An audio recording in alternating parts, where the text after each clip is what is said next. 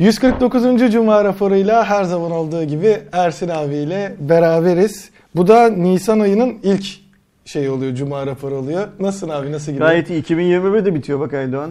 Ya çok çabuk geldi. Dö- dördüncü aya geldik. hani o kadar aslında şey olmasına rağmen. Covid'di, hani- evden Aynen. çıkmayalım, yok hafta sonu yasaydı, şuydu buydu filan derken bak Nisan önümüzdeki hafta Ramazan'ın başı Ramazan Ramazan, geldi, başlıyor. evet. Ondan sonra Ramazan bayramı, Kurban bayramı filan Derken, derken, O ara belki Covid'i de paketlersek güzel olur da Vallahi e, zaten şöyle bir şey ya biz Covid'i paketleyeceğiz Ya da o bizi ya da Covid bizi paketleyecek.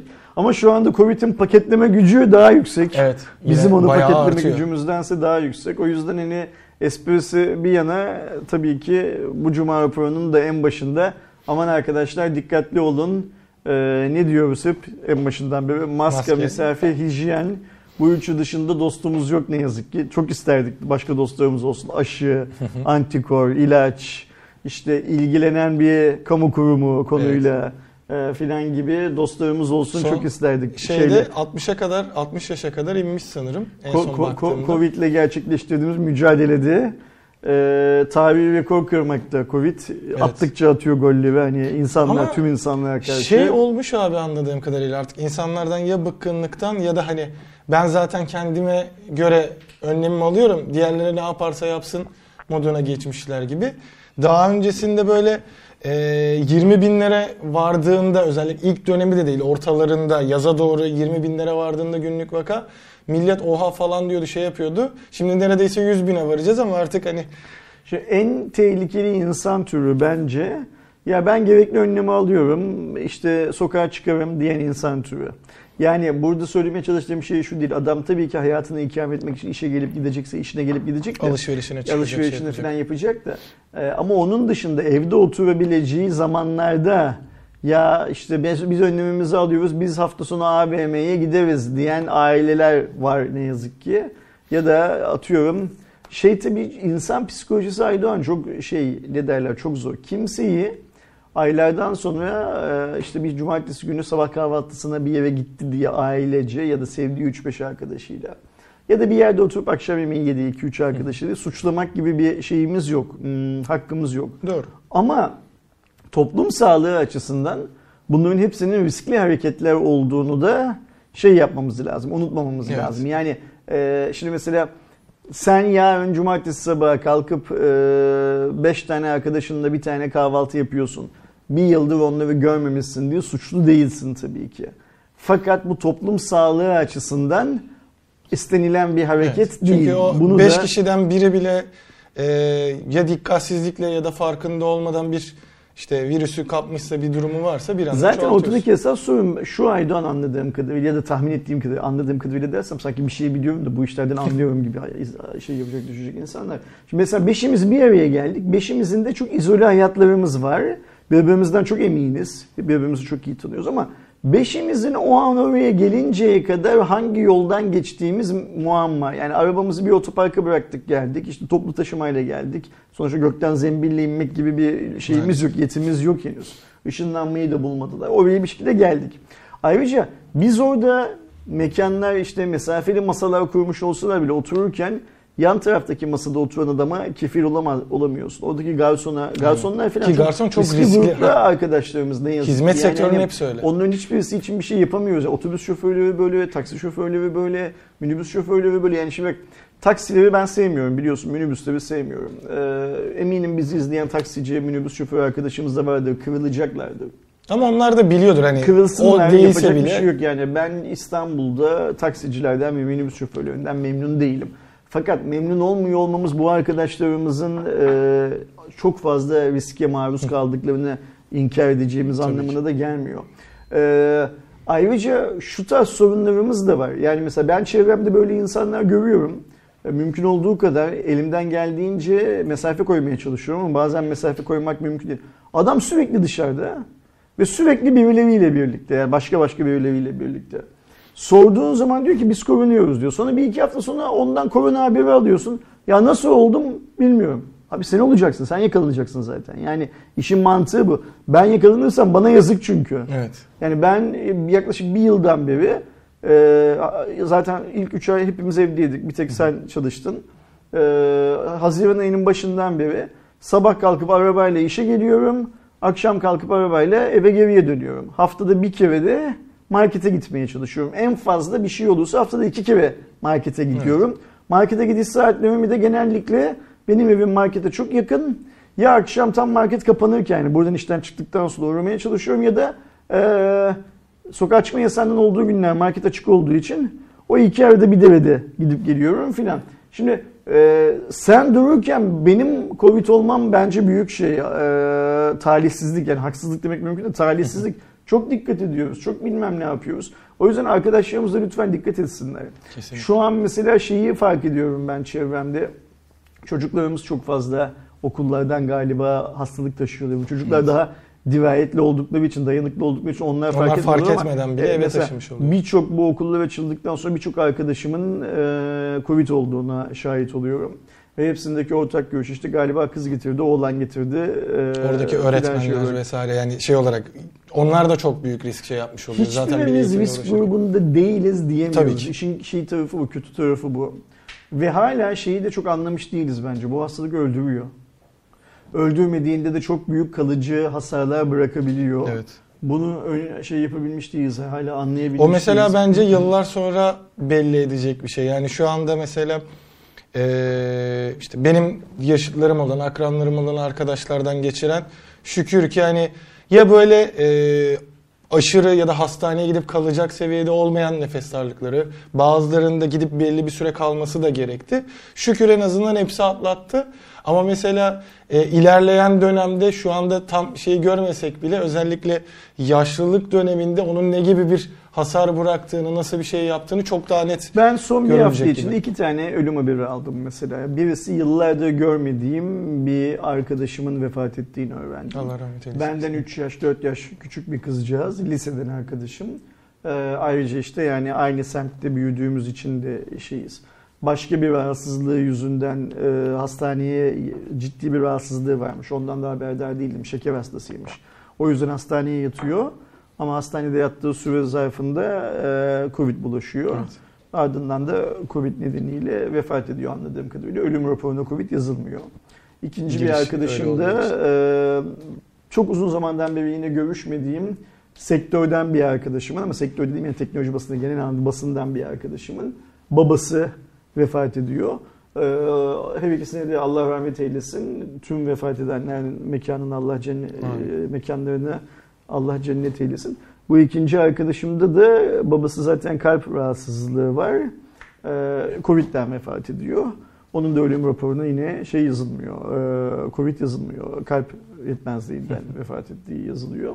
Artık böyle raporlar raporlar falan bu işi çok geçtik Tabii zaten. zaten, Yani orada eee, koptu iş. şey durumu varmış. Hastaneye girişteki sebebin neyse daha sonrasında sebebi özellikle Covid olsa bile girişteki şey yazılıyormuş. Bir de şey e, sıkıntısı var. Mesela ben de bu süreçte e, sadece zorunlu olarak duymadığım için mesela kulak için hastaneye gittim. İşte bazen hafif dişim ağrır hani e, ekstra bir ağrım olur neymiş diye göstermeye gitmekten çekiniyorum. Çünkü e, bu tabii ki aslında sağlık sisteminin hatası değil. E, şu anda hastanelerdeki işte Covid için yapılan merkezlerden ziyade acil ve klasik poliklinikler çok büyük risk taşıyor. Çünkü e, Covid için ayarlanan bölümlerde inanılmaz bir şey var. İzolasyon var, şey var. Hatta benim işte hemşire Bu vesaire olan İn- insan trafiğiyle alakalı. Evet. Yani mesela Çünkü yukarıdan- adam geliyor mesela Covid var farkında değil ve Yukarıdan bir röntgen çekelim. Ee, en büyük insan trafiğinin olduğu yer hastanelerin poliklinikleri ve acil servisleridir. Yani bunların e, tüm diğer kamu kurumlarından daha fazla gelenleri ve gidenleri vardır. Sen o geleni gideni muhtarlığa yönlendir. Muhtarlık tehlikeli Evet. olacak. Yani işin doğası gereği bu böyle. Ee, ama gitmemekte haklısın. Ben de senin gibi düşünüyorum. Şu dönem yok elzem bir sağlık rahatsızlığımız olmadığı sürece hastaneye gitmek konusunda benim Ee, mesela hemşire arkadaşlarım var. Ee, en azından daha sık görüştüğüm iki arkadaşım direkt şeyde Covid servisinde. Ya iyi misin hani e, şey diye tedirgin oluyordum. Yok diyordu hani aşırı tabii ça- çalışmak ve o kıyafetlerin altında zaten çok videosunu fotoğrafını görmüşsündür. O halde e, olmak dışında e, Covid konusunda biz daha güvendeyiz diyor. Çünkü her türlü korunuyor. Bizim çoğu zaman acil servisteki arkadaşlarımız e, Covid kapmış oluyor oradaki İyi şeylerden. gitsinler umalım ki. Yani onlara çok ihtiyacımız Hepsine var. Allah yardımcı her, olsun. her zamankinden Bütün daha çok ihtiyacımız insanlara. var. Kendilerine çok çok iyi baksınlar. Ne yazık ki sana bana bakamayan sistem onlara da çok iyi bakamıyor. Hak Evet. ettikleri şeyi veremiyor onlara da. Yani ne bakıyor ne de bunun ekonomik anlamdaki karşılığını verebiliyor.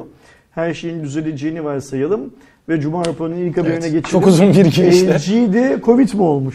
Öyle mi? LG ya ilk şey olduğunda böyle olacak vesaire söylentileri olduğunda hani çok da evet mantıklı geliyordu da çok sevdiğim bir markada olduğu için ciddiye alamıyordum ama resmen LG de kendisi açıkladı. Ee, mobil birimini yani telefon birimini e, kapattı. Bir artık böyle e, e, yıldız daha kaymış oldu. Satmadı. Tamamen Satamadı. kapattı. Satamadı. Yani müşteri bulamadı o Evet. kadar büyük bir yapıya.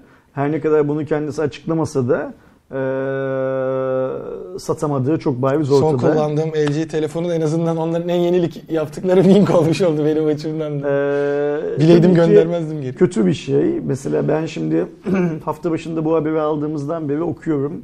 Ee, önümüzdeki Mayıs sayısında da InBusiness'a bunu yazmayı planlıyorum ee, şey olarak. Rek- rekabette çok geri kaldı. Yani Çinlilerden çok büyük tokat yedi. LG'nin kapanması cep telefonu sektöründe bir başka merkezin daha kaybedilmesi Evet. anlamında. Yani Kore'de kaybediliyor artık. Daha önce Japonya kaybedilmişti Sony ile. Evet. Şimdi Kore'de kaybediliyor. Yani merkezi Çin kuvvetleri eee, çok dominant bir şekilde olayı şey yapıyorlar, ele geçiriyorlar. Böyle yorumlamak lazım. Eee, benim okuduğum raporlarda, yorumlarda, makalelerde falan LG aslında G5'i çıkarttığı zaman batmıştı gibi yorum yapan gazeteciler, yayıncılar var. Yanlış mı? Yo değil. Yani Aslında o modüler evet. telefon bilmem ne falan Hatta biraz daha genel dersek yani G2'den sonrasında şey gibi geliyor bana. LG'nin Bir düşüş başladı Zaten artık. akıllı telefon sektörüne de çok geç girdiği, hani diğerlerine nazaran çok geç girdiğini söyleyenler filan filan var. İşte kapandı bitti. Böylece Koreli sayısı sektördeki teke düştü. Tüm yük Samsung'un omuzunda.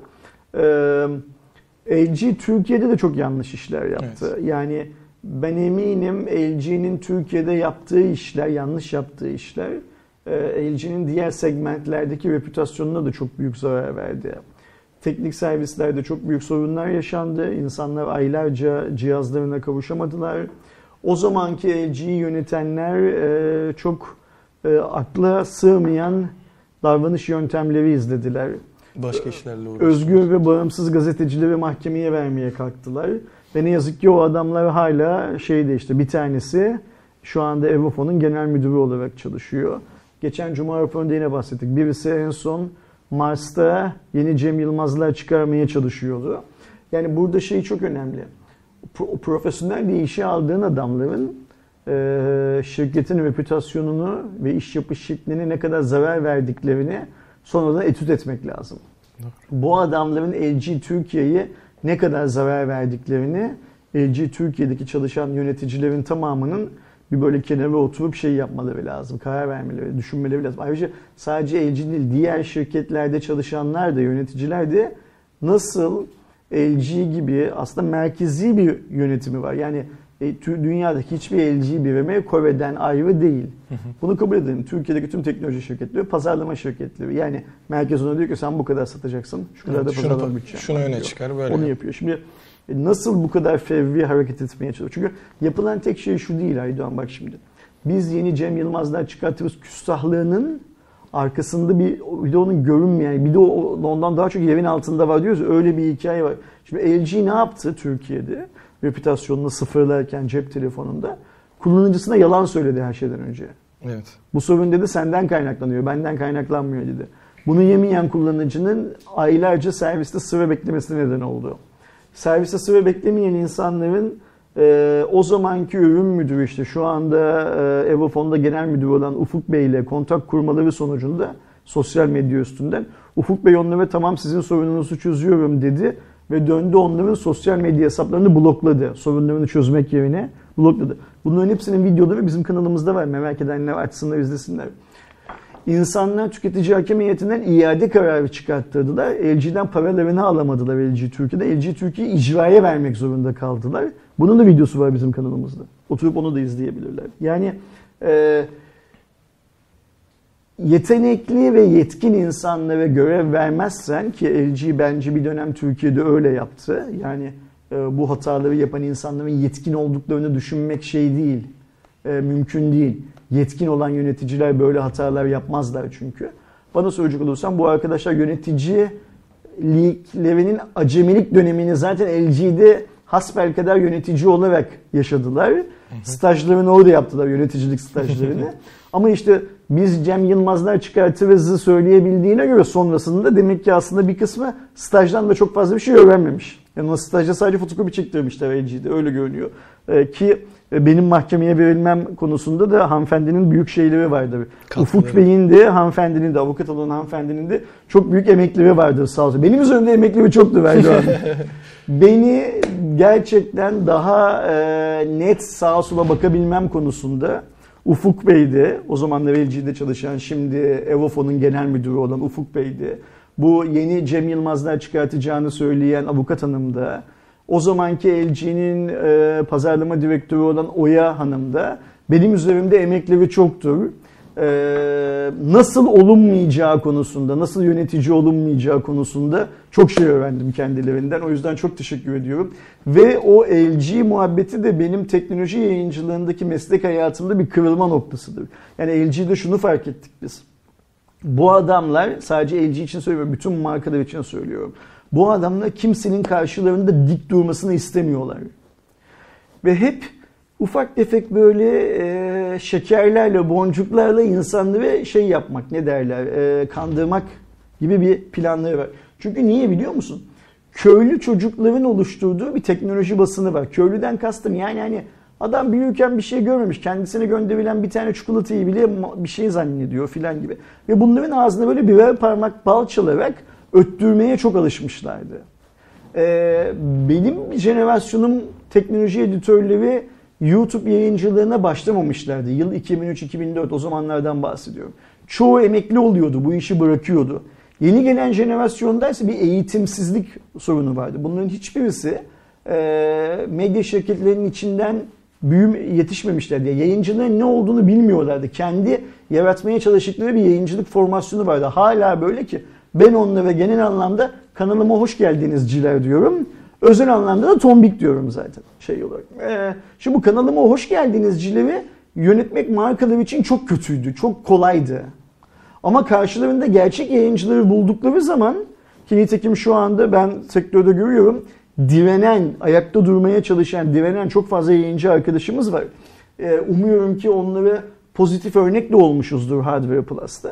Ee, tabii ki çok başarılı değiller, kıvrılıyorlar. Yani bu iş biraz da ekonomik güçle alakalı hı hı. ve kendi e, gücünün nereden kaynaklandığını bilmekle de alakalı. Biz Hardware Plus'ta arkadaşlarımıza belki komik gelecek hep şunu söyledik. Bizim hiçbir gücümüz yok arkadaşlar dedik. Bizim gücümüz sizsiniz. Ve hala öyle. Bence Türkiye'de diğer yayınları bilmiyorum. Güçleri nereden alıyorlar? Devletten alan var mı? Mafyadan alan var mı? Bilmem nereden alan var mı? Hiç bilmiyorum. Biz gücümüzün tamamını takipçilerimizden alıyoruz. İş bu kadar basit. Ve çok güçlü olduğumuz için biz LG'nin karşısında çok net durduk. Ve LG mesela bak mesela Türkiye'de o savaşı kaybetti. Sonra kaybettikten sonra işte bu adını saydığımız insanlar tek tek işten çıkartıldı, gönderildi ve yerlerine yeni gelen insanlar ya biz Hardware Plus'ın bu yaptıklarıyla niye bu kadar şey olduk? Darmadağın olduk. Bizim bu adamlarla daha yakın olmamız lazım. Bu adamlar gerçek yayıncılık yapıyor filan demeye başladılar sağ olsunlar. Ee, bunun yani bu LG'nin piyasadan çekilme hikayesinin Türkiye özelinde de herkesin kulağında küpe olması gerektiğini düşünüyorum ben her şeyden Doğru, önce. Kesinlikle. Ee, işini doğru düzgün yapamayan, o ya da bu neden yüzünden yapıyor. Bak şimdi dünyanın en büyük şirketlerinden birisinden bahsediyoruz. Yani bugün Forbes 500'e bakalım, LG oradaki ilk elinin içinde bilmiyorum kaçıncı olduğunu ama mutlaka ilk el. Yani orada otomotiv şirketleri var, perakенdeler var, e, Tesla var. Hani başka örnek veremediğim SpaceX var büyük bir ihtimalle. Uzay ve onların Bankalar arasında falan var. LG var. Aynı öyle bankalar, finans kurumları falan var. LG de var orada. Bu kadar büyük bir şirketin bile havlu atmasının nedeni gerekli hamleleri zamanında yapamamak. İş bu kadar basit. Gerekli hamleleri zamanında yapamamak. Dört, dört kelime. Ee, ya da erken yapmak diye de düşünüyorum mesela abi orada. Yani şeyi Ben- düşünüyorum ben mesela cep şimdi. telefonu konusunda hiçbir şey erken yaptığını düşünmüyorum. Bence birçok şeyi yani e, düşündüğümde nasıl diyeyim yanlış zaman yanlış telefon falan gibi bir şey diyebilirim. Mesela 3 boyutlu ekran denedi. Yani 3D işte gözlüksüz 3D ekran denedi. O zaman için aa çok şey de kimse sonradan bir iki kere Bir şey insanlar dediler ki 3D'nin televizyonlarda tutmadığı belliyken cep telefonlarına tutma ihtimali var mıydı? işte hani gereksiz şeyler denedi hep. Mesela sonrasında işte modüler telefon daha öncesinde onun ilk adımını atan Google'ın kendisiydi. Sonra dur bakalım bir kendim deneyeyim dedi. Yemedi. Şimdi LG cep telefonu işinden çıkmasının bahanesi olarak biz yeni pazarlara daha çok zaman ayırmak istiyoruz dedi. O yeni pazarlara olarak işte IoT'yi gösterdi, giyilebilir teknolojileri gösterdi, bilmem ne filan. Büyük ihtimalle onlar otomobillerin de şeyi Bugünden olacak. sonra LG'nin neler yapacağını daha merakla bekliyoruz. Ama şöyle bir şey var. LG gün geçtikçe dünyadaki teknoloji yayıncılarının da dünyadaki teknoloji meraklılarının da fokusundan çıkıyor. Evet. Bunu da unutmaması lazım. Yani sadece televizyonla insanlara dokunmak pek şey değil. Mümkün. Evet televizyon evimizin içinde her akşam milyonlarca saat o televizyonlara bakılıyor. Çok haklı. Orada LG'nin muazzam teknolojileri var. OLED dediğimiz şeyin altında tek başına LG'nin şeyi var. İmzası e, var imzası var. Bunları şey yapmıyorum. Klimalarda mesela Klimalarda. çok şey. E, yabana atmıyorum bunları. Bunların hepsi çok güzel hareketler. Ama e, mesela şimdi şöyle söyleyeyim. Bana dokunmuyor artık LG şu günden sonra. Evet. Yani cep telefonu da yoksa benim LG ile hiçbir işim kalmıyor. Çünkü ben evime klima alırken de, ben evime televizyon alırken de eee, markanın ne yaptığıyla o kadar çok ilgilenmiyorum genel anlamda. Yani evet en iyisini, şimdi hepimiz kendi paramızla en iyisini almaya çalışıyoruz. Bu çok normal. LG'nin muazzam beyaz eşyaları da var. Evet. da var. Çamaşır makineleri, buzdolapları, bulaşık makineleri, kurutma makineleri falan ama hmm, evimde LG makine olsa bile e, mesela televizyonumu LG alsam bile LG yine benim hayatıma bir cep telefonun dokun- dokunduğu kadar dokunamayacak bundan sonra. Evet, doğru. Önemli olan şu. Şimdi mesela Xiaomi Mi Band'lerde niye bu kadar diretiyor? Mi Band doğrudan hayatında herkesin kolunda. Diyorum ya Amerika'da bir barda oturuyorsun. e, kafasını iyi bir tane İrlandalı amca seni dürtüp bak diyor benim de kolumda Mi Band var. Senin de kolunda brother, şey, Mi Band var. Brotherhood diyor. Mi Band Brotherhood Evet. diyor. Mi Band kardeşliği diyor. Şimdi hayatı dokunmak böyle bir şey. LG'nin şu anda hayata dokunan şeyi kalmadı. Bir de telefondan sonra. ekosistemi zaten markalar telefondan başlatarak mesela hani diğer bir Koreli işte kardeşi diyebileceğimiz, rakibi diyebileceğimiz Samsung SmartThings muhabbetini Aynen telefon merkezli yapıyor. Çünkü işte gir telefonuna zaten onlarda da e, ThinQ diye sistem vardı. Bütün akıllı sistemlerini telefonundan yönet diyordu. Tamam zaten herhangi bir telefonla da yönetebiliyorsun da oradaki işin merkezi şeydi. E, Birçok insan da mesela e, ya örnek veriyorum Samsung bir buzdolabı alıp sonrasında ya evet iyiymiş falan filan diyerek yapıyor ya da akıllı telefonu mesela Samsung'ken benim mesela şey döneminde vardı özellikle çok fazla Samsung kullandığım vesaire döneminde hani burada çalışıyorken de öncesinde de televizyon alacağım zaman istemsizce ilk Samsung'a bakıyordum. Niye? Çünkü telefonla çok daha rahat iletişim kuruyor. Özellikle aynı markaysa. E buradaki birçok ekosistemi satmandaki merkez şeydi. Apple'da ekosistem ekosistem derken biz de şey de diyoruz mesela Apple Watch derken iPhone'un varsa çok mantıklı diyoruz vesaire gibi bir durum. Ya da Huawei de şunu oluşturmaya çalışıyor. Sen buradaki en büyük kozunda kaybettiğinde Ağır silahını kaybetti. Yani e, bir hava savaşında uçak savarını kaybetmek gibi bir durum. ya da bombardıman uçağını falan Aynen düşürmüş oluyor. O yüzden LG için çok kötü bir şey bu tabii ki. Ee, bence teknoloji sektörü için de kötü bir şey. Çünkü Tabii LG ki. bir yandan da çok fazla elinde e, lisans barındıran bir şirket. Ee, bu da demektir ki cep telefonu işinden çekildiyse o lisansları geliştirmeye büyük bir ihtimalle eskisi kadar hızlı devam etmeyecek. Ya da filan satacak. filan gibi. Ya da satacak, devredecek lisansları. Kötü. Umuyorum ki dünyadaki tüm teknoloji şirketleri LG'nin nerede neyi nasıl yanlış yaptığını etüt ederler ve başlarına böyle bir şey gelmesini Ders olarak bile Ee, okutulabilir ileride bu. mutlaka başlar. E, Çok yakın bir zamanda NBA ile e, sınıf şeylerinde, e, programlarında LG nasıl şey yaptı, havlu attı cep telefonu sektöründe, niye havlu attı cep telefonu sektöründe diye şeyler, araştırmalar görmeye başlarız. Ben üzüldüm, her şeye rağmen üzüldüm. Ben Ben, çünkü LG'nin en kötü ihtimalle devredeceğini birisine düşünüyordum ama devredilemeyecek kadar hani şey vardır ya bazen finansal piyasalarda o banka batırılamayacak kadar büyük derler. Çok fazla mesela biz onu mortgage krizinde yaşadık. işte Amerika'daki bazı bankaların batması tüm dünyaya Evet. mal olduğu maliyetleri ya. O yüzden hani devredilemeyecek kadar büyüktü. Ee, umalım ki tekrar bir gün yeni bir CEO daha iyi bir iş planıyla ben mobil iletişime LG'yi tekrar sokuyorum desin. Ee, mobil iletişimden devam edelim. Geçmeden önce Tamam. hemen şöyle bir şey ekleyeyim. Çünkü en azından milletin kafasında şöyle bir sorun olabilir. Şu anda işte LG Velvet vardı, belki Wing Alan vardı gibi insanlar ya biz aldık şimdi elimizde mi patladı durumunda. Tabii ki patlamıyor. E, direkt şey olacak. Hani sizin garanti süreniz boyunca bütün Her desteği ülkede alacaksınız. ülkenin garanti şartları kaç yılsa o kadar yıl boyunca LG teknik servis ve yedek parça ürünü tedarik etmeye devam edecek. Zaten şey bunu açıkladı. Ee, Merkez bunu açıkladı zaten. Ee, Türkiye'de bu 5 yıl, Ee, Avrupa'daki bazı ülkelerde farklı, Uzak Doğu'da Amerika kıtasında falan farklı. Yani biz 5 yıl boyunca LG cihaza sahipsek eğer ee, yedek parça bulabileceğiz Türkiye'de. 2 yıl boyunca da yani en son satılan cihazdan sonraki 2 yıl boyunca da teknik servislerinin açık kalması gerekecek. Teknik servis sayısını azaltabilir. Böyle bir azaltma hakkı var. Ama tamamen şey yapamaz. Kapatamaz. Şu an piyasada da sadece Türkiye'de tüm dünyada da yeterince LG cihaz stokta olduğu için o 2 yıllık süreç daha başlamadı. Yani en son cihaz satıldığı zaman başlayacak. En son fatura kesildiği zaman başlayacak o süre. Ee, o yüzden büyük bir ihtimalle LG tüm dünyada çok iyi fiyatlarla cep telefonu satmaya başlayacak önümüzdeki günlerde ki bir an önce telefonları elinden çıkarsın ve bu dönem Evet. bir an önce başlasın. 31 Temmuz'da başlamayı planlıyor. Yani komple kapanışı şey Yok kapatsalar da ülke bazındaki tabii ki işte bu servis çünkü servislerin açık tutulması bilmem ne falan da marka için bir maliyet ya. Ee, Onu yani bu e, kafasında LG cihaz almayı planlayan varsa e, şu- saatten sonra çok uygun fiyatlara alabilir o istediği cihazı. Bakalım ne kadar düşecek. Ee, alınmaz mı? Bence alınır. Çünkü bu 5 yıllık süre az buz bir zaman değil. Sen zaten. garantini alacaksın, şey süresi boyunca bir dert yaşamayacaksın Aynen gibi bir artısı var. Yani bu büyük firmalar kaçıp gidemez öyle bir durumda. HTC hala veriyor. Bak gerçi şimdi tekrar pazara girdiği için zaten artık Aynen. vermeye devam etmek zorunda. Hala veriyor. Mobil iletişim, mobil iletişim tarifelerine zam gelmiş. İkinci haberimiz bu.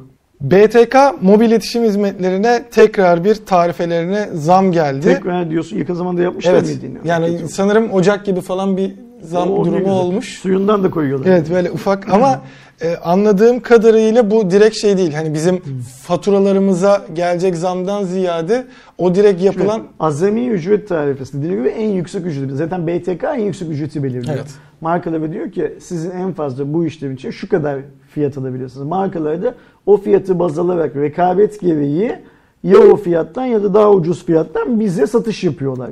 İş böyle şey yapıyor. Evet. Şimdi e, en üst fiyatı yeniden belirlediyse bu bize yansıverdi o. Gerçi da doğru.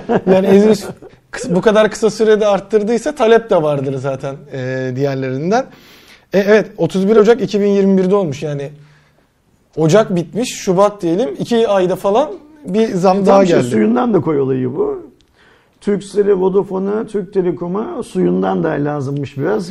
%17.4 olmuş son bir yıl içerisinde yapılan zam. E, tüfeyle biraz şey denk gitmiş. %6, %16.2 tüfe varken Ama daha ben bu fazla tarz şey olmuş. oranlarında hep şeye bakıyorum. Asgari ücreti yüzde kaç zam yapılmış, tüfeğe yüzde kaçmış, işte e, mobil iletişim tarifelerine yüzde kaç zam yapılmışa bakıyorum. Eğer asgari ücrete daha çok zam yapılıyorsa yani istiyorlarsa burada yüzde 17.4 değil yüzde 117.4 yapsınlar. Asgari ücreti yüzde 200 yaptıkları sürece benim için şey yok. Hiçbir yok. anlamı olmuyor aslında. Yok yok sorun yok yapsınlar. sorun yok olarak, Sorun tamam. yok yapsınlar Tamam. tabii ki canım. Ben şey yapacak değilim. Ee, hani o sorun çıkartacak değilim yapsınlar. Ama tabii şey, şey tarafı da. Bu arada direkt şeyi de vereyim. Ee, normalde en son 72.34 kuruştu yurt içi aramalardaki azami ücret. Şimdi 73.78 kuruşa çıktı. Ben bunu ilk şey diye düşünmüştüm. Hani paket aşım ücretlerine yansır bu diye. Buradan zaten yansır da sonradan sonuçta size verdiği dakikada da bu ücreti kısmen sana sağlamış olduğu için e, evet yani e, şey de olabilir. E, yakında sizi hangi operatördeyseniz sizi arayıp e, bir de tam şu an şey dönemleri artık birçok insanın paketlerini yenileme dönemi. Mesela benim de şey oluyormuş artık Turkcell daha sık aramaya başladı. Ama bu arada şöyle bir saçmalık var abi aklıma gelmişken kısaca bahsedeyim. E, Turkcell'deki işte e, call center'larında çalışan e, hanımefendilerin, beyefendilerin önüne düşüyor tabii ki arama gerektiği. Ama Turkcell'de şöyle bir saçma durum var. Biz e, daha önce de bahsetmiştik. Basın tarifesindeyiz. İşte basına özel medya şirketlerinde çalışanlara özel daha iyi indirimli ve biz işte yurt dışını çok aradığımız için bol olan, yurt dışına çıkmamız gerektiği için her ne kadar iki senedir çıkamıyor olsak da orada bize bir haftalık o yurt dışı tarifesini ücretsiz olarak sundukları ve bunu anladığım kadarıyla BTK'nın belirlediği çünkü fiyatı da içeriği de her operatörde aynı olan bir sistem var. Arıyorlar beni işte yenileme döneminiz geldi. Evet biliyorum yenileyeceğim ama artık geçen seneden ezberledim. Ee, sistemde bakmak istediklerinde detayı vermiyor özel tarifi olarak geçtiği için. Ve ha sizin onu dijital operatörde yapmanız gerekiyor deyip kapatıyorlar ve ben bunu haftada bir aranmaya başladım. Büyük ihtimalle Nisan sonunda biteceği için son bir haftada her gün arayacaklar ve ben her gün aynı sıkıntıyı yaşayacağım. Türkcell'e sormuşlar Nevem doğru ki demiş. Her aradıklarında da artık şey diyorum. Özel tarife basın olarak geçiyor. Biliyorum şey değil. Onlar da hani bilmeden Tabii, onlara şey geliyor tabii orada. canım. Ça, ne, ara diye geliyor. Yani o şey işte bu botlar yürümek için yapıldı. Onları aramak zorunda. Aynen. Ee, yapacak hiçbir şey Ve yok her yani. gün Yani. bir, bir onar saniyelik öyle şeyim olacak. İnşallah o sistemi düzeltirler de ben zaten hani biliyorum şeyde de e, dijital operatörden de zaten şey geliyor hani yakınlaştığında bitmek üzere diye. Konuya dönecek olursak mobil iletişim tarifelerine zam geldi arkadaşlar Türkiye'de. O da aklınızda o olsun. da fiyatları öyle ya da böyle yansıyacaktır. En son 31 Ocak 2021'de güncellenen fiyatlar tekrar güncellendi.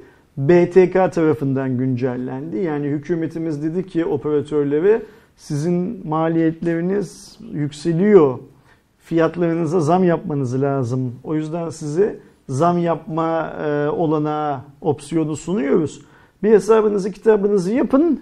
Sonra iki gün sonra kalkıp gelip biz zarar ediyoruz filan diye ağlamayın dedi. Biz size şu an o imkanı Ee, sunduk. bu öz cümle budur yani şey anlamında. Ee, zamlı telefon faturalarına hazırlıklı olun. İnşallah 2021 içinde göreceğimiz son zam bu zam olur. Gerçi daha 8 ay var. Bunu Ki daha iki ay önce. Ramazan bay, zammı, kurban zammı ayrıca gelecektir bence. Geldikçe haberdar ederiz sizi. Ee, benim hiç anlamadığım 3. haberimize geçelim buradan. Renault'un kamyonlarıyla bir alakalı. Evet. Bu Çünkü- haber galiba şey Aydoğan Aykanat'tan torpilli. yani. gibi. Okey. Gibi. O Bir zaman- de oyun e, konusunda özellikle Euro Truck Simulator 2'yi de çok sevenler var. Tamam. Ee, biliyorsunuz şu dönemde işte otomobil firmalarından tut işte teknoloji firmalarına hatta sektör fark etmeksizin dijital lansmanlar görmeye başlamıştık. Ve bizim de zaten özellikle e, geçtiğimiz iki hafta boyunca çok fazla işte akıllı telefonlarla alakalı e, lansmanları yaptık.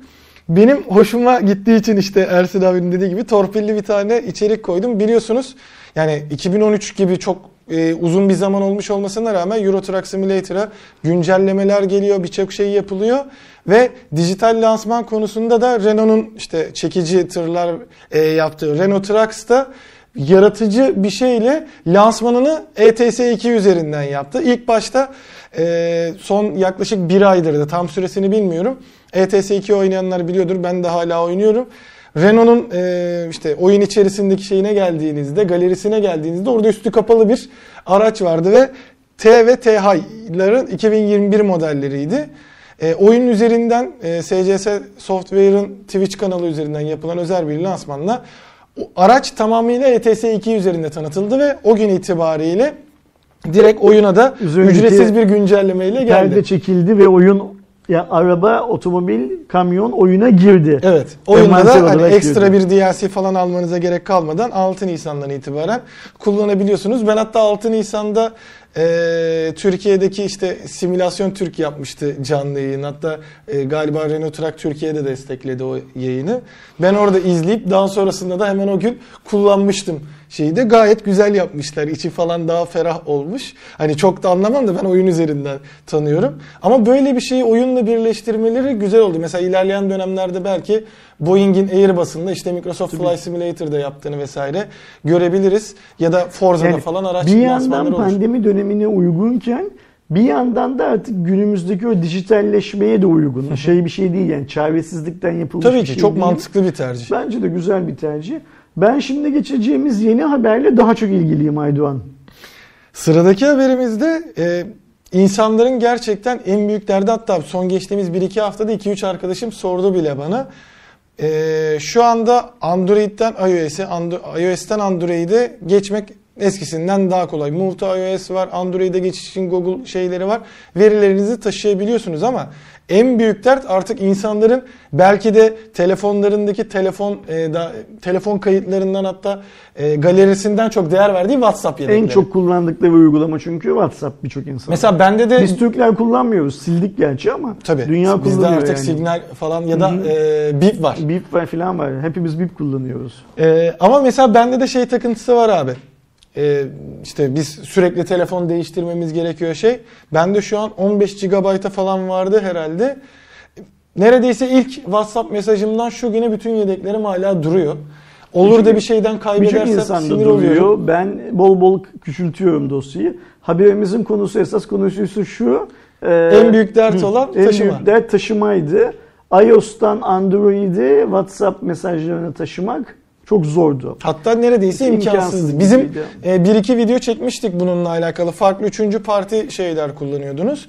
Ancak o üçüncü parti para web satın alıcıların da her zaman sizi e, çok kolay bir geçiş, onlar göç diyorlar. Çok kolay bir göç e, sağladığı tartışmalıydı. Bazı versiyonlarda, bazı telefonlarda, bazı işletim sistemi versiyonlarında sorun Ve çıkabiliyordu. WhatsApp'ın da aslında önerdiği bir şey değildi. değil. Şimdi WhatsApp kendi yaptığı açıklamadan anlıyoruz ki e, WhatsApp iOS'tan Android'e geçişi ya da Android'den iOS'a geçişi daha da kolaylaştıracak çözümler üstünde çalışıyor değil mi? Detayları duyalım senden. Ee, VBeta Info'ya göre, VBeta Info diyelim ya da o da zaten özellikle beta ve alfa testlerinin de bir kullanıcısı olup işte WhatsApp'a gelecek yenilikleri şey yapan. Daha öncesinde aslında Android'de bu e, muhabbet ortaya çıkmıştı. E, şimdi ise iOS'te de görülmeye başlamış. Bu demek oluyor ki ilerleyen günlerde artık bu Android'den iOS'e geçtiğinizde yani bir iPhone'dan Android'e geçtiğinizde benim WhatsApp'ımı taşıyamıyorum ya da çok fazla para vermem gerekiyor bunu denemek için gibi o yöntemlerden ziyade artık WhatsApp bunu kendi içerisinde ekosistemler arasındaki geçişte kolaylık sağlayacak. Oradaki en büyük sıkıntılardan biri Android'de Google Drive'a, iOS'te e, iCloud'a yedekliyor olması ve bunların birbirine e, aktarılamıyor olması. Tahminimce kendisi bu yedekleme için ayrı bir sunucu sistemi yapıp e, o sunucuya yedeklenip her ikisi arasında kolayca geçiş yapılmasını sağlayacak. Ama şu anda dediğim gibi test aşamasının Android'de ortaya çıkmıştı, kapandı. Yani sadece bir deneme yapıldığını buluyorlardı bu insanlar kodlardan. Şimdi iOS'te de bulmuşlar. E, ne zaman olur belli değil ama bu tarz şeylerin Ben çok istendiği için çok fazla zaman olacak. sunucuyla bu işi çözeceğini düşünmüyorum. Sunucu demek maliyet demek. WhatsApp o tarz bir maliyetin dünyadaki veriyi düşünüyorsan o tarz bir maliyetin altına Ya da iki sunucu arasında Şu iletişim anda kurabilecek aynen. bir şey olacak. İki sunucu arasında bir köprü kurmaya çalışıyorlar büyük bir ihtimalle. Yani şey olabilir mesela. iOS'e yetki ama şey iCloud'a yetki vereceksin e, senin verilerine erişmesi için. Ya da Gmail, Google'a vereceksin. ya da çekip bir şey, aktaracak, ya, silecek. ya da şöyle bir şey yapacak işte. e, Yansıtıcı. Geçici bir bulutsuz çözümüyle sen buradan oraya oradan buraya geçeceğini beyan edeceksin WhatsApp'a. WhatsApp senin bu işlemini sıraya alıp kendi ayarladığı sistem üzerinde yani aynen geçmişte bankaların yaptığı EFT hikayeleri gibi şimdi bir havuzdan yapılıyor da geçmişte bankadan bankaya gidiyordu ya o sistemde yapılmasını sağlayacak minimum maliyetli. Çünkü senin söylediğin gibi e, sırf bu iş için bir tane sunucu ayarlamaları e, WhatsApp henüz para kazanamayan bir e, operasyon. Facebook oraya o kadar her, şey her ne kadar kaç Türk Hava Yolları ettiği zamanında bol bol hesaplanmış olsa da e, WhatsApp para kazanmıyor. Para kazanmayan bir servisi Mark bu parayı, bu yatırımı yapmaz. Ha şudur, Mark belki bunu sadece paralı olarak insanlara sunacaktır geçiş hizmetini. O zaman eyvallah. O zaman Ama doğru. yok şey mantıklı abi. V-Transfer gibi falan çalışacak. Aynen öyle. Aktaracak sonra silecek o ver- verileri. Sen o sırada bir upload'u Bu bir de şöyle download'u çok bekleyeceksin. güzel. Ben bugüne kadar birçok insana ya işte ben iPhone'dan bıktım. WhatsApp'a geçeceğim, şey Android'e geçeceğim. Ama bu WhatsApp mesajlarımı ne yapacağım diyen birçok insana ya sen geçme Android, iOS'ta kal dedim mesela. Tam tersini de söyledim. Hani Android'den iOS'a geçeceğim diye. Yani sırf WhatsApp yüzünden. WhatsApp senin hayatında bu kadar önemliyse şey yapamıyorsan geçmeyeceksin o zaman dedim. En azından bu geçişleri şey yapacaktır, e, kolaylaştıracaktır. Evet. Ve bunu bir de çok basit bir şey. İnsanlığın tarihinden, insanlığın hayatından, insanların hayatına çıkartmak lazım zaten. Çıkartın şunu yani kırın insanların zincirlerini. Niye ellerini kollarını bu kadar bağlıyorsunuz? E, En basit şey bir de yani şu anda aslında WhatsApp'tan belki de en çok talep edilen yenilik olmasına ya da durum olmasına rağmen işte o m, bizim işte bir sonraki haberimiz de yine onunla alakalı olacak. Konsol oyuncuları olarak cross platform konusunda da Sony'nin Microsoft'un diretmesinden hiç beraberce oynayamama durumu gibi iOS ile Android'in o özellikle aslında Apple tarafının o kapalı sistem falan muhabbetinden bu tarz şeylerde çok Ama orada şunu zorlanıyor. unutmamak lazım. Facebook WhatsApp'ı satın aldıktan sonra WhatsApp'ta neredeyse hiçbir gelişme yapılmadı. Evet. Yani, yani. WhatsApp'ı Facebook satın aldığı zaman WhatsApp'ın roadmap'inde görünen gelişmeler yapıldı.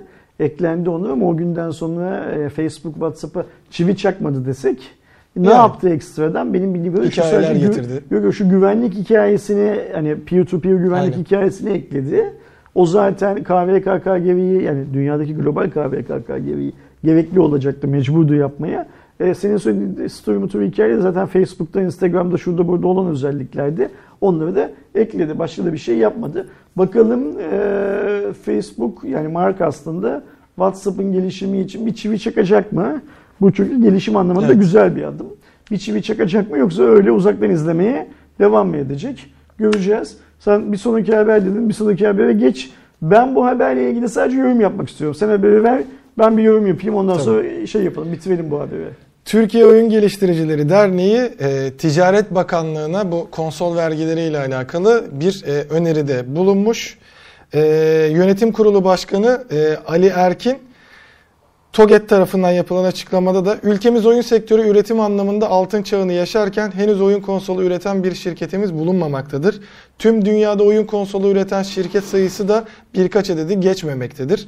Son vergi düzenlenen düzenlemeleri tüketicilerin oyun konsollarına erişimini zorlaştırırken bir yandan da ülkemizde oyun konsolları için oyun geliştiren şirketlerimizin son e, kullanıcıya ulaşmasını güçleştirmektedir. Ülkemiz oyun sektörünün e, gelişimi daha ivmelenmesi ve konsolların konsolları için üretimin teşvik etmesi de e, hem tük, hem de tüketicilerin dilediği oyuna kolay erişimiyle mümkün olacaktır. Bugün sektördeki tüm geliştiricilerimizin genç yaşta oyun oynayarak ve kültürün bir parçası olarak yola çıktığını düşünürsek bugünün oyun e, tüketicileri geleceğin potansiyel oyun ekosisteminin çalışanlarıdır. Bu doğrultuda oyun konsollarına getirilen ek vergilerin sıfırlanması ve e, özel tüketim vergisinin de kaldırılmasının yararlı olacağını e, düşünülerek sunmuşlar. Ama e, senin yorumunu almadan önce e, şöyle bir şey e, demek istiyorum. Yani geçen sene %50 olarak açıklandığında e, neredelerdi de şimdi %25'e indirilmişken biraz daha şey olmuşken Şimdi e, açıklama Ben yapılmış acaba? tanımıyorum. Kusura bakmasın hayatımda okuduğum en kötü metinlerden bir tanesini paylaşmışlar zaten. Yani şu an sen şurada okurken 9 doğurdun. Hı hı. Ee, metnin içinde acaba vergi dilimi daha çok artsın. Biz Türkiye'de bu sayede konsol mu üretiriz diyecek. Ne diyecek diye Bir 50 öyle kere gibi girip sonra oyun Aynen öyle. tüketimine Yani geçiyor. nereden neyi nereye bağlıyor hiç anlaşılmıyor. Öz cümle son noktada görüyoruz ki vergiler azaltılsın diyor Allah'a şükür. Çünkü şey de diyebilirlerdi. Bak geçmişte bunu söyleyenler de oldu. Yani vergiyi yükseltin, yurt dışından gelmesin, Türkiye'de üretilsin, Türk malları değerli olsun falan. Bu İşte arada sıfırlansın biz istiyor. Çin'den şimdi o yüzden kablo getiremiyoruz. Gidip Teknosa'dan satın almak zorunda kalıyoruz ya 3 liralık kabloyu 50 liraya satıyor 100 liraya satıyor Teknosa bize. O da öyle olmuştu hatırla. Bakan kalk dedi ki bir ülkeden Türkiye'ye her gün binlerce zarf gidiyor bir bakın bakalım neymiş onlar dedim dedi. Bir baktılar ne olduğunu o günden beri Çin'den hiçbir şey alamıyorsun gidip Evet. her şeyi Teknosa'dan satın almak zorunda kalıyorsun. Şimdi e, Ali Bey kusura bakmasın o yüzden çok kötü bir metin bunu söylememiz lazım. Derdini anlatabilen bir metin değil. Keşke derdini anlatan bir metin söyleseydi. Verginin sıfırlanması konusunda biz de şeyiz. Ne derler? Talepkarız. Ee, daha önce seslerini çıkarsalardı keşke. Şimdi çıkartıyorlar. Onu, bundan da Allah razı olsun. Şimdi çıkartmadan. Benim mesela söylemeye çalıştığım şey şu. Şimdi bakın arkadaşlar. Bakanlık filan kalkıp ne Ali Bey'den ne de TOGET'ten bize bir öneri sunun filan diye bir şey söylemez. STK'lar kendileri bunu kendilerine dert edinirler ve bakanlıklara böyle öneriler sunarlar. Bunun tam tersi öneriler sunabilecek STK'lar da vardır. Nitekim şunu unutmamak lazım. İMEI kayıt ücretinin arttırılması için bakanlığa öneri sunan STK'lar Türkiye'de var. Ve bakanlık geçen yıl yaptığı o fahiş fiyat arttırımını o STK'ların önerileri sonunda gerçekleştirdi. Evet. Şimdi vatandaş burada ne yapmalı? Eğer vatandaş Ali Erkin Bey'in yönetim kurulu başkanı olduğu TOGET gibi düşünüyorsa yani bu verginin sıfırlandırılması gerektiğini düşünüyorsa vatandaş da tırnak içinde söylüyorum Ticaret Bakanlığı'nı taciz etmeni. Nasıl taciz edebiliyorsun Ticaret Bakanlığı? Gidip evvelde Ticaret Bakanlığı binasının önünde şey yapıp ne derler durup pantolonunu indirmeyeceksin. Yani fırlatır. ö- ö- ö- taciz öyle olmaz. Taciz nasıl olur? Düzenli olarak Gmail üstünden Ticaret Bakanlığı'nın call center'ını arayarak bilmem ne varsa bir call center'ı filan biz konsol vergilerinin sıfırlanmasını talep ediyoruz diye adını, soyadını, vatandaşlık numaranı vererek taleplerde bulunacaksın. Ve diyeceksin ki e, TOGET bir tane size ya TOGET'in fikrinin arkasındaysan ya da başka bir STK'nın fikrinin arkasında şu STK size böyle bir şey sundu, teklif sundu. Lütfen bunun bir an önce ilgili komisyonlarda incelenip karara bağlanmasını sağlayın. Ben vatandaş olarak böyle bir beklentim var Ticaret Bakanlığı'ndan diyeceksin. Bunu Ticaret Bakanlığı'nı ve Ticaret Bakanı'nı tagleyerek Twitter'da belli şeylerde, rutinlerle paylaşacaksın. Tek başına TOGET'in herhangi bir şey yapması mümkün değil. TOGET bunu yapamaz. Ancak arkasına oyuncu desteğini alırsa Evet. yapar. Şimdi geleceğim buradan şeye. Ersin peki e-mail'in fiyat artışı nasıl oldu diye soracaksınız. STK e-maillerin fiyat artışlarının yükseltilmesini önerdi. Sonra cep telefonu markaları Ticaret Bakanlığı'na gittiler dediler ki yurt dışından o kadar çok cep telefonu geliyor ki bizim satışlarımız azalıyor. Bizim satışlarımız azaldığı için e, Türkiye Cumhuriyeti hükümeti vergi kaybına uğruyor. O yüzden biz biliyoruz ki Aydoğan Bey'in başkanı olduğu STK'nın e-mail ücretlerinin şey yapılması konusunda ne derler düzenlenmesi konusunda bir rapor sundu size Sayın Bakanım, Sayın Müsteşarım. Lütfen bunu dikkate alın. Dediler, dediler, dediler. Hepsi söyledi bunu. Sadece bir tanesi. Yani sadece o firma, sadece bu firma değil. Ayrıca ne oldu? Sokaklardaki telefoncular organize oldular. Yani telefon dükkanları olan insanlar organize olup bakanlığı fax ve e-mail yağmuruna tuttular. Dediler ki insanlar yolcu beraberinde 3 tane 5 tane telefon getiriyor. Bizim satışlarımız düşüyor. Evimize ekmek götüremiyoruz filan filan. Ee, Sayın Bakan o zamanlar Berat Albayrak'tı.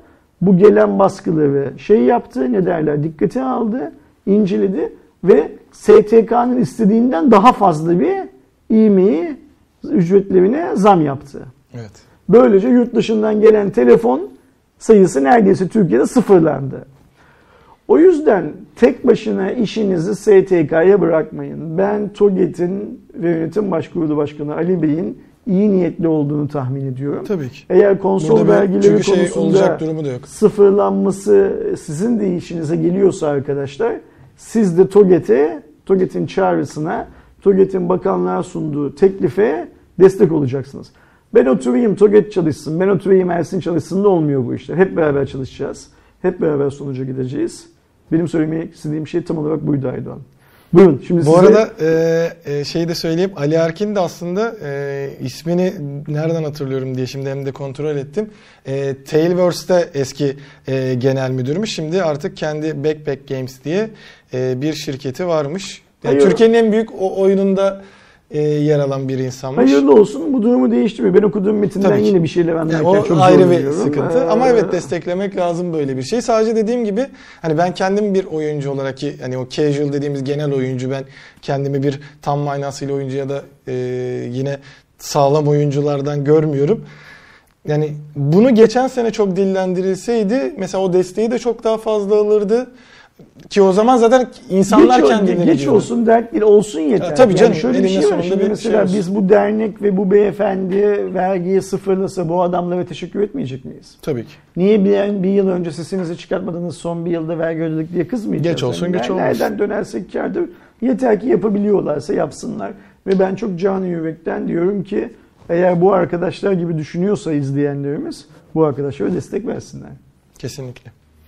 Sıradaki e, haberimizde e, daha önce de bahsettiğimiz game platformu hatta ilk başta sadece telefon için çıkan sonra web ve e, Apple TV, Android TV'ye de gelen e, biraz daha işin nasıl diyeyim sanatsal, belgesel ve aslında e, Ahmet Mümtaz Taylan'ın falan olduğu güzel e, serilere de sahip olan game artık premium'a geçiş yaptı. Ee, tam tarihini not almış mıyım? Burada almamışım ama önümüzdeki aydan itibaren diyeyim ya da bu aydan itibaren. Gain'de gönder paraları diyor değil Evet. mi? Ha, tamam. Şimdiye kadar tamamıyla ücretsiz devam eden Gain e, 22 Kaç? liralık 22 lira evet istiyor. Aylık. 21.90 e, bir premium servisine Tek geçiş yaptı. var? Evet yani ücretsiz de ve ücretli 21.90'a bir tane paket aldığımız zaman kaç kişi izleyebiliyoruz? tek. Bil- yani şu anda birden fazla var mı bilmiyorum ama özellikle hem kendi işte orijinal içerikleri diyeyim e, güzel oluyor. Son dönemde mesela Metot geldi bayağı sevilen. Senkron geldi yerli. E, güzel içerikleri de e, var. Ben özellikle telefondayken böyle kısa kısa telefona özel içerikler de yapıyorlardı. Onları bayağı seviyordum. E, biraz daha dediğim gibi işte e, belgesel ya da mm, elitist diyeceğim de tam manasıyla öyle değil. Böyle ilgi çekici içerikleri olan bir platform. O da şey oldu ki ben de bugün aslında yeni duyduğum e, Demirören grubu da bir şeye giriyormuş. Şu anda adı aklımda değil e, şeyin ama herkes de yavaş yavaş TRT de girecek falan. Artık her bir medya grubunun şeyi oluyor. Dramax diye bir Heh, Dramax evet. Ama Dramax sadece Türk dizileri özelinde, Türk yapımları özelinde bir şey. Ben öyle anlıyorum. Lansmanı galiba önümüzdeki hafta yapılacak. Önümüzdeki hafta görürüz. Şunu söyleyeyim. e, Ben e, 20.90 kuruş aylık vermem. Ya büyük ihtimalle o tarafta şu an ciddi bir şey kaybı olacaktır. E, üye kaybı. Şey de önemli tabii ki. Üyelik sistemini şimdiye kadar insanlara büyük ihtimalle tanıtmak amacıyla da Çok ücretsiz normal, çok tuttular. normal. Bir de hani bu gelişim tamamlansın diye. Çünkü ilk başta sadece telefondaydı. Web'e ve Apple TV, Android TV'ye yeni geldi. Baştan böyle bir ücretle girseydi ben sadece telefondan izleyeceğim içeriğe e, şey olmaz ya da işte eksen gibi HDMI kablosunu nasıl televizyona bağlayacağımızı anlatması gerekirdi.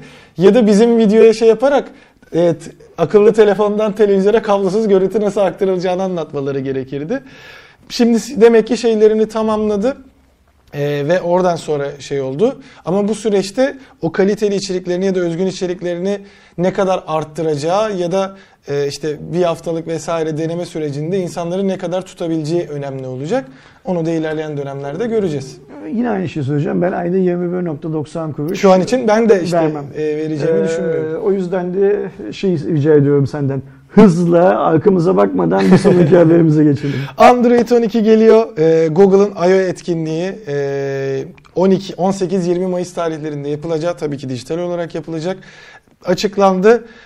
En başta tabii ki Android 12'yi bekliyoruz. Aynı zamanda büyük ihtimalle işte Google Drive, Google Maps vesaire gibi servislerde de yeni nesil gelişmeler. Belki de yeni bir servisin duyurusunu falan görebiliriz.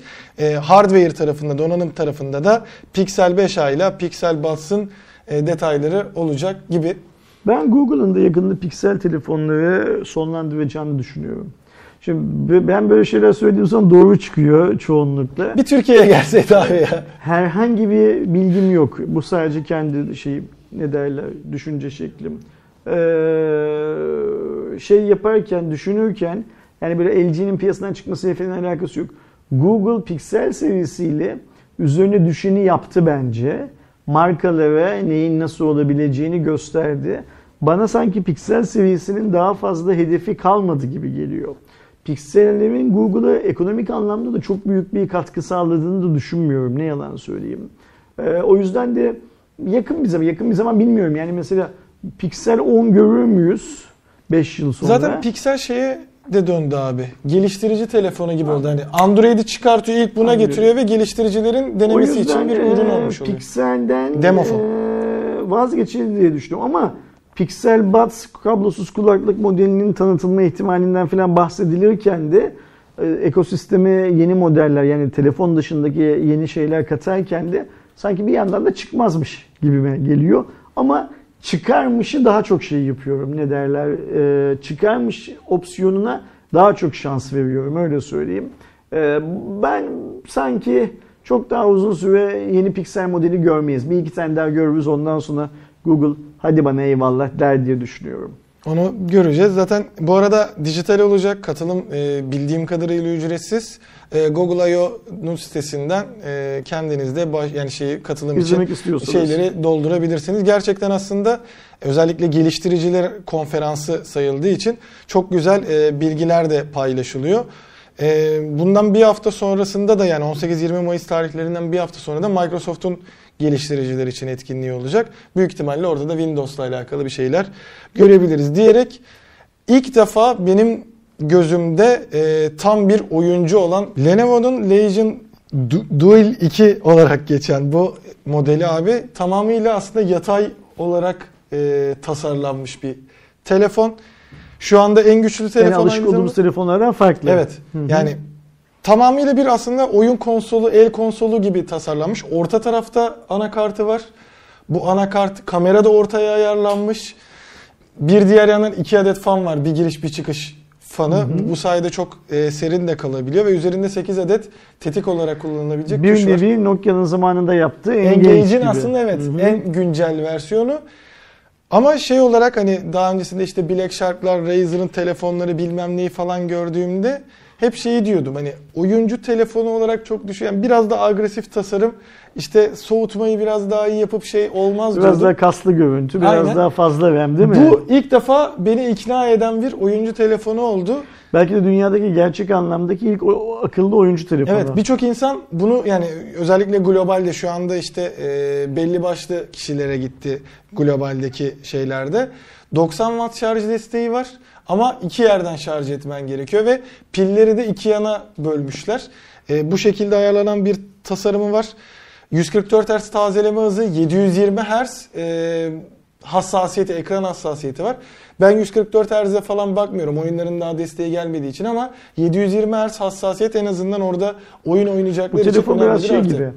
Laptop tarafında başarılı e, ürünler çıkartan bir şirket o nasıl oyuncu telefonu yaparın örneği gibi aslında Evet. bu. Yani böyle biraz şey hani Asus'a Masus'a filan böyle masanın üstüne koymak için Lenovo yapmış gibi sanki biraz. Tek dezavantajı arkasına dönük koyamıyorsun yani ekranı kapatarak telefonu koyman lazım. Çünkü arka tarafta ciddi bir bombelenme var tabii her şeyi oraya yaptıkları için. Ama güzel yanlarından biri telefonu şu şekilde tutarken ellerinize herhangi bir ısı gelmiyor. Isı burada dağıldığı için ve aynı zamanda hem arkadaki tuşlarda hem üstteki tetiklerde ve ekranındaki belli başlı nok- noktalarda da çok iyi bir şekilde ayarlanmış. İki adet e, haptik motoru var e, titreşimi size iyi bir şekilde verebiliyor oyun konsollarında olduğu gibi. Gerçekten çok iyi Ve çalışılmış pil, ve bir pil- pilin çoğunu da o haptik motorlar tüketiyor zaten. ne tabii maalesef ki ama en azından hani 90 watt şarjı olduğu için istersen o sırada küçük bir oyun oynuyorsan günlük kullanıyorsan e, tek şarjda ekstra bir boost gerektiğinde şey var. Kendi içerisinde yazılımsal olarak bir anda e, CPU, GPU'yu e, boost edecek şeyleri var. Bütün ayarlamalarını orada yapabiliyorsun. Fan ayarlarını yapabiliyorsun. Gerçekten yazılımsal ve donanımsal olarak güzel çalışılmış bir telefon olarak Şeyi görüyorum ben. Lenovo'nun oyuncu seviyesi laptoplarının da adı Legion, Legion. zaten. Yani onu da unutmayalım. Lejyoner bir Aynen ürün yap. Tabii ki oyuncu telefonu da dediğimizden RGB aydınlatması falan da var. Ee, teknolojik gelişme her zaman yeni ürün olmaz. Mesela bu da bir teknolojik gelişmedir Kesinlikle. şey anlamında. Burada önemli olan şey Lenovo bunu devam ettirecek mi? Ee, başka şirketler. Bir diğer e, bu formda telefonlara devam edecekler mi?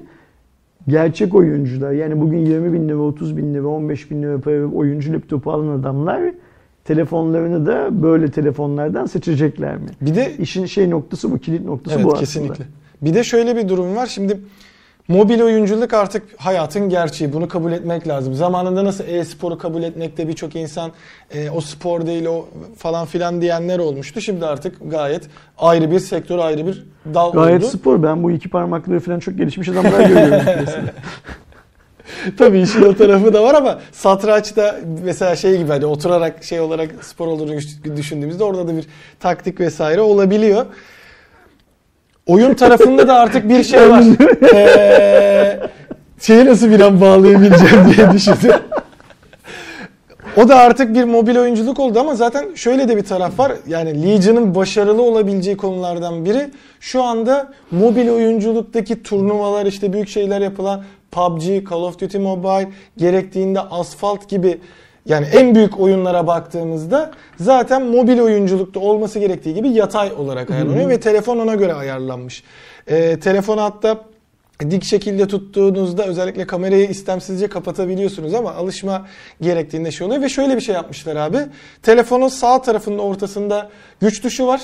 Güç düşüne entegre 40 megapiksel ön kamera var ve ön kamera şu ortadan çıkıyor pop-up olarak çıkıyor ve sen aslında oyun oynarken Twitch'te, YouTube'da özellikle işte PUBG Mobile canlı yayın yapmak istediğinde ön kamerayı kullanamıyorsun yanda Hı hı. olduğu için ya burada direkt ortada olduğu için direkt seni çekecek ve senin o sıradaki oyundaki aksiyonu da aktarabileceğin şekilde yapmışlar. Gerçekten mobil oyunculuğu düşünerek hazırlanmış bence ilk telefon olmuş. O konuda Lenovo tarafını eee, destekliyorum. Bir diğer yandan fiyatlarına baktığımda da en azından hani eee, gereksiz pahalı bir telefon değil. Gün, Yani günümüzdeki üst seviye telefonlarına baktığımızda. dünyanın en pahalı telefonu değil. Evet. Onu söyleyebiliriz. Çünkü biz normalde böyle e, inovatif şeyler gördüğümüz zaman fiyatında çok yukarıya gittiğini görürüz. Şimdi e, 12 GB ile 256 GB'lık olan modeli 799 Euro. e, 16 GB ile 512 GB'lık modeli de 999 Euro. Burada şeye bakmak lazım. Şu an piyasada 512 GB'lık, 256 GB'lık e, ROM'u olan, 12-16'lık RAM'leri olan modeller başka telefonlarda var zaten. E, onların fiyatlarına bakmak lazım. Onların hiçbirisinin fiyatından çok daha yukarıda değil. Evet hatta Şey birçok oyuncu telefonuna göre galiba hani yanlış da hatırlıyor olabilirim. Ucuz duruma da gelmiş 800 euro olanı. Ee, son olarak şeyi de söylemiş olayım. Önde stereo hoparlör var. Ona özellikle çalışıp normalde mesela artık günümüzdeki birçok telefonda görüyoruz stereoyu ama genellikle üstteki ahizeye yakın olanın hani daha az ses çıkardığını ahizeden verdiği için evet mesela Xiaomi falan ayrı bir yer açıyor ama yine eşit olmuyor. Bunlar özellikle ona çalışıp o surround oyun etkisini vermek istemişler. Yani ama tek bir bu arada dezavantajı var onu da söyleyeyim. Geriye de gitmiş bu telefon ve şu anda e, bataryayı bölüyor özellikle Black Shark'tır falan filan ve onu bir şekilde dengelemek de istiyorlar. Telefon gerçekten hani e, o notonun emin olmadığımız şekilde çıkacak şekilde şu iki yerde antenleri var ve antenlerin bulunduğu yeri tabii ki plastik yapmaları gerekiyor ki düzgünce çeksin. Bu telefonda mobil oyunculuğa odaklı olduğu için mobil oyunculuğu da iyi çekmesi gerekiyor ve gerçekten telefonu şuradan şöyle yaptığında burası bu sağ batarya buradan böyle yaptığında ki çok zorlamadan sol batarya kırılıyor arkadaşlar. Yani ek, direkt çatır çutur kırabiliyorsunuz telefonu. Şimdilik böyle bir dezavantajı olduğunu da E, o söyleyelim. kadar şey Kadıkuz'unda da var Aydoğan. Yani şeyde yapmayı ver. Üzerine oturmayı ver Otur. telefonun. Ama zaten burada şöyle bir risk var. Şimdi telefonu böyle kullandıysa isterseniz böyle bir divence de maruz Evet, kalacak benim telefon. de Ve sen onu kırmasan bile o direnç zaten o anten noktalarına bazı basınç uygulayacak, biraz basınç uygulayacak. İşte her şeyin güzelin bir kusuru var. Bunun da böyle bir kusuru var. Bakalım dünyadaki satın alan arkadaşlar oyun oynarken elimde kırıldı bilmem ne oldu filan filan diye. Yani ben mesela konsolda oyun oynarken sinirlendiğimde böyle kolu sıkmamı falan düşündüğümde çünkü direkt telefon üç parça haline gelmiş. Sağda solda batarya anakartın tamamını ortaya almışlar. Ee, tasarım olarak mantıklı da işte o anten çizgilerinin tam o arada olması bildiğin e, üç parçaya ayırabiliyorsunuz telefonu en kötü kısmı İşte e, olmuş. onu, onu da düzeltirler herhalde. Yaptıramıyor musun peki sonra? Valla onu şey yaparlar mı bilmiyoruz. Hemen soruda da o şey yaptıramıyorsun diye. Telefonu 3'e bölmek bence garanti kapsamına girecek bir şey olacağını sanmıyorum. Ama göreceğiz. 800 euro verir yenisini alırsın Doğuş. Oha.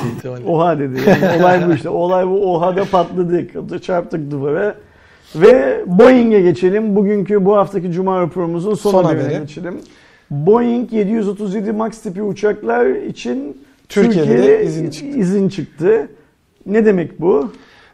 Hemen e, birazcık geçmişe gittiğimizde biliyorsunuz e, yaşanan iki büyük kazanın ardından Boeing'in 737 MAX serisinde e, bir sistemsel sıkıntı oldu. E, Boeing araçları da Airbus'a göre aslında biraz daha şeyin kontrolündedir. Uçağın yapay zekasının kontrolündedir. Airbus, e, Airbus size biraz daha e, şey odaklıdır. Hmm, Pilot odaklı bir sistemdedir. Burada burnunu e, aşağı eğme eğilimi olduğunu daha önceki videoda da ben size ilk zamanlarda anlatmıştım ne olduğunu. Onu da izleyebilirsiniz bu detayı anlamak için. Bayağı bir süredir yerdeydi bu uçaklar. Bütün ülkelerde kapatılmıştı ve ama aynı zamanda Tü- Türk Hava Yolları dahil birçok havayolu firması da sipariş siparişlerini vermişti. vermişti. Hatta e, notumu buraya eklemiştim.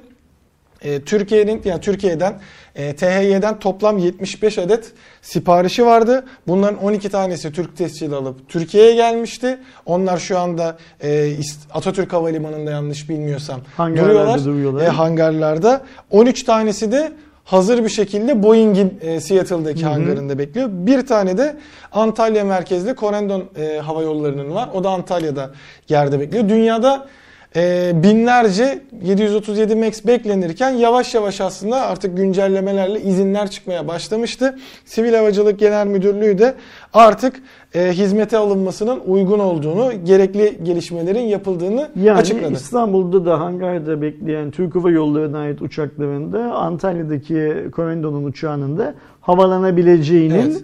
ve bugünden sonra başka hava yollarına ait olan MAX'lerin de Türkiye'deki havalimanlarına iniş yapabileceğinin iznini Evet. e, yetkili Yakın kurum zamanda olan artık net bir şekilde e, havada Sivil göreceğiz. Havacılık Dairesi değil mi? Do- Peki- doğru şey yapıyor. Ee, özellikle aslında havacılıkla çok fazla ilgilenmeyen e, kesim artık unutmuştur bile bu sorunu. Uçağa binerken fark etmez de. Bu kadar uzun süre şey olmuş ve ciddi manada e, çok yakın sürede iki kaza yapabilecek sorunla karşılaşmış bir uçakta işte e, şu anda diyelim ilerleyen dönemlerde İzmir'e gitmen gerektiğinde Ankara falan 737 MAX olsa abi e, Ya, hava yolu misin de sana bildirmesi aslında Ha. bakabiliyorsun. Havayolu şirketleri uçak bileti satarken sana uçağın şeyi konusunda Tahmini şeyini bilgisini veriyor. orada bilet ekranında yazıyor mu? Evet Hani- aslında bakabiliyorsun e, şeyde e, uçak tipini yani Hayır. ama şimdi sefer sayısından gidip başka bir yerden yok, bileti aldıktan sonra Ha okey tamam işte yani sana bileti satarken hiçbir havayolu şirketi, hiçbir otobüs e, seyahat şirketinin yaptığı gibi şu marka, şu model otobüsle gideceksin demedikleri gibi havayolu şirketleri bunu demiyorlar. Ee, Benim bildiğim kadarıyla sadece Türkiye'de değil, dünyanın hiçbir yerinde Evet, evet. denmiyor bu. Ee, o yüzden hani sen uçak biletini alıncaya kadar bunu bilmiyorsun zaten. Ne yapıyorsun? Ee, sefer numarasından yola çıkarak Google'dan ya Flight Radar'dan falan Flight bakıyorsun. Radar'dan bilmem nereden filan buluyorsun uçağın şeyini. Şimdi onu bulduktan sonra da ben bu uçakla uçmak istemiyorum deyip biletini iade edebiliyor musun? O konuda bir bilgim Şu yok. anda bir şeyi yok. E, bildiğim kadarıyla e, bununla alakalı çok düşünülüyordu ama galiba öyle bir şansın yok. En Şimdi THY'de kapitalizm yok. vahşidir ve uçak üreten şirketler de bu vahşi kapitalizmin en tepe halkalarından bir yerde bulunurlar. Çünkü yani üretim çok az, talep çok fazla. Biliyorsun bugün uçak üreten tüm şirketler ürettiklerinin 10 misli kadar da uçak üretseler satabilecek potansiyele sahipler dünyada zaten. Ee, ama hiçbir kapitalist düzen insan hayatını şey yapmaz. Ee, büyük oranda riske atmaz. Şimdi bu Max'lerde böyle bir sorun olduğu şeyken, ayyuka çıkmışken herhangi bir havayolu şirketinin en ufak bir Max, bir herhangi bir Max'te en ufak bir sorun yaşaması demek e, Boeing için çok büyük bir sorun Evet. demek. Ben bir sorun çıkacağını düşünmüyorum. Ben de yani söylemek havacılıkta o çok da şey ben değil. köprüye kadar gittim uçağın Max olduğunu gördüm binmemezlik yapmam. Onu söyleyeyim. Binerim uçağı. Yani e, sivil Ben otorite özellikle binerim bu arada.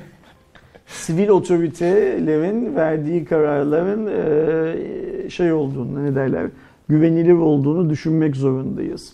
E, Boeing'e güvenmek zorunda değiliz tabii ki ama dünyanın her Boeing'de yeri- varlığını Ha, devam var, ettirebilmek için zorunda şu- bunu öyle. çözmek. Şu var atıyorum mesela şimdi Türkiye'de buna izin verilmiştir ama mesela ısrarla Almanya izin vermiyorsa eğer ısrarla Amerika izin vermiyorsa Çok o zaman tabii ki bir dönüp şey bakmak lazım. Dünyadaki durumun ne olduğunu. Ancak burada şöyle bir şey var. Türk Hava Yolları'nın da Boeing'le böyle bir, bir göbek bağı bilmem ne falan. Mesela şimdi Boeing hangi ülkenin e, markası? Amerika'nın. Amerika'nın markası. Ee, Amerika hükümeti tabii ki Boeing için pozitif kararlar vermek isterdi. O yüzden e, Boeing'in aleyhine olacak bir şeyi çok fazla dünyaya dayatmaz. Ayak diretmez o konuda. Bizim Türkiye olarak Boeing'le öyle bir organik bağımız yok. Yani Boeing'e kıyak geçmek Yani için yok. böyle bir karar almış Airbus da aynı olamayız. bizim için. Aynen öyle. Biz sonuçta burada şeyiz. Parası, parayı veriniz. Yani şey gibi fırına gidiyorsun o ekmeği de alabiliyorsun bu ekmeği de alabiliyorsun. Hatta gerçi şeydi bir şey birazcık var. aslında Türkiye ile arası iyi Boeing'in. Bu 737 Max'in mesela lansman uçağı da Corendon Hava Yolları'ydı. Ee, o yüzden yani Türk hükümetinin Boeing'e özel bir kıyak geçtiğini falan sanmıyorum, düşünmüyorum böyle bir şeyi. Ee, şeye bakacağım, yani ben kendi açımdan söylüyorum. Ee, hangi ülkeler izin vermişler, hangi ülkeler izin vermemişler. Eğer mesela İngiltere'nin izin verdiğini, Almanya'nın izin verdiğini görürsem Şu an zaten artıyor gitgide. ben gönül rahatlığıyla binerim. Hiç dert etmem kendime. Yani ben de mesela şimdi insanlarda özellikle hani biraz havacılıkla ilgili olan insanlarda şey çekincesi de olabiliyordu. İşte şimdi aylardır yerde yatıyor.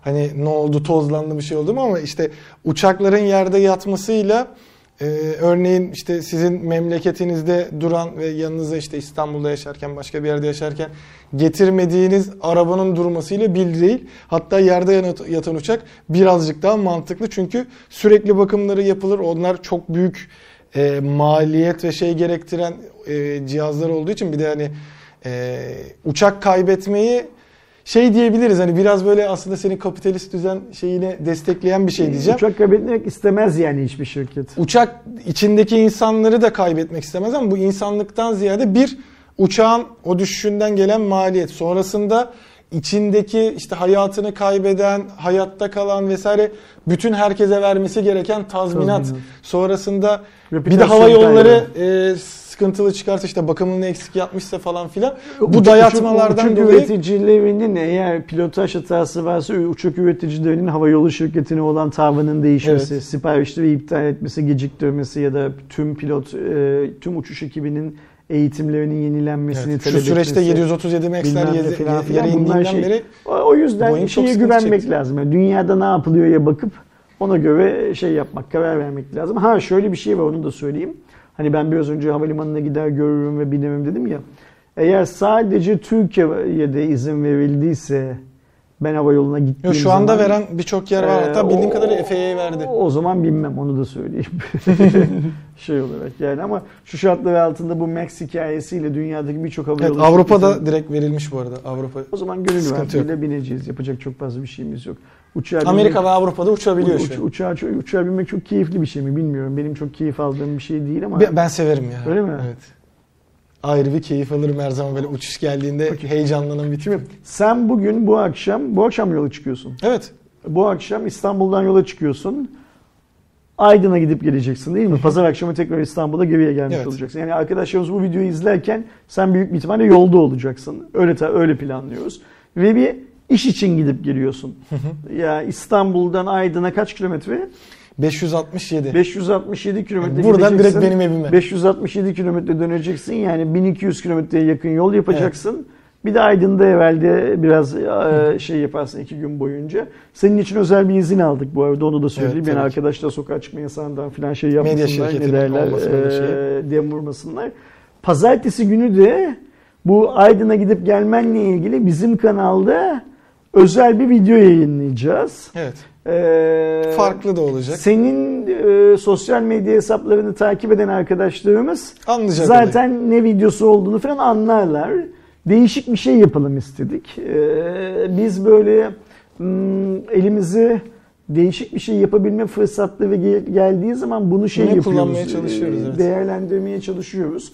Dün de ofiste konuşurken işte bir şeyle ilgili bir teknolojik ürünle ilgili Evet, konuşurken Aydo şöyle şöyle bir şey yapsana diye bir fikir çıktı ortaya. Senin de kafana yattı onu yapacaksın. Ben pazartesi günü yayına alacağımız videoyu şimdiden çok şeyle ne derler merakla bekliyorum. Sana iyi yolculuklar dikkatli kullan. Teşekkür ederim. Kazasız belasız git gel. Ee, ve süper bir video olacağını şimdiden tahmin ediyorum. Ee, Bakalım. Pazartesi Ben de günü çok heyecanlıyım. Benim için ilk defa bir deneyim olacak çünkü. bir teknoloji kanalı daha önce böyle bir şey yaptı mı onu bilmiyorum Türkiye'de. Bilmiyorum. Ama hani e, benzer içerikler en azından yerli yabancı var, var, tabii çok ki. var ama burada şöyle bir şey işte elimizde bir ürün var. Bir kısa zaman kısıtlı bir zamanımız var ve bu zamanımızda ne yazık ki sokağa çıkma yasağına denk düşüyor. O ürün de sokakta kullanılacak bir ürün. Yani alayım eve yatak odasına götüreyim falan diyebileceğimiz bir ürün değil.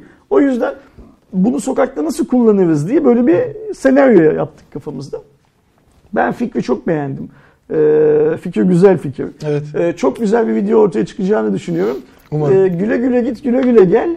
Pazartesi günü bizimle süper bir video paylaşıyor ol. O Ben videoya da şimdiden- Cuma raporunu izleyenler şey desin. e, gerçekten süper bir video olmuş ya da Evet olmamış evet diye de söyleyeyim. fikri yani hani şimdi e, YouTube videolarının altında ipe sapa gelmez yorumlara alışığız biz. Yani Türkiye yorumculuk konusunda çağ atlamış bir ülke ama ne yazık ki çağ geriye doğru atlıyor. Bu benim kendi fikrim. Ee, herkesin her konuyla ilgili bir fikri var ve herkes her konuyla ilgili olan fikrini utanmadan söylemekte de serbest. Bu zaten şey özgürlüğün şeylerinden bir tanesi. Herkes her işi o işi yapanlardan daha iyi biliyor. Bunun da farkındayız. Yani 14 yaşındaki çocuk bize nasıl video çekmemiz gerektiğini falan anlatabiliyor. Ya da işimizi nasıl yapmamız gerektiği konusunda herkesin bizden daha çok fikri var. Allah'tan çok fazla boş vakitleri yok da bu işi yapmıyorlar. Başka başka işlerle var. Bir de boş vakitleri olsa yayıncılık yapsalar aman Allah neler göreceğiz. Ama Cuma raporunu izleyenler lütfen pazartesi günkü videonun yorumlarında bize biraz geri bildirim versinler. Evet. Bu şöyle bir şey. Eğer cesaretlenebilirsek bu tarz işlerde yapmaya devam ederiz. Evet. Mesela kripto para hikayelerinde de böyleyiz. Hayatımıza giren bir olgu yapmaya çalışıyoruz. Bu da öyle. Hayatımıza girerse, cesaretlenirse yaparız. Bu cuma raporunu böyle bitirelim. Ama pazartesi günü senin yayına alacağın videoyu merak ederek bitirelim. Ee, pazartesi Göreceğiz. günü Aydoğan'ın yayına alacağı videonun yorum kısmında sizlerle tekrar buluşuruz arkadaşlar. O güne kadar kendinize iyi bakın. Haftaya cuma zaten cuma raporunda buradayız. Hoşçakalın. Hoşçakalın.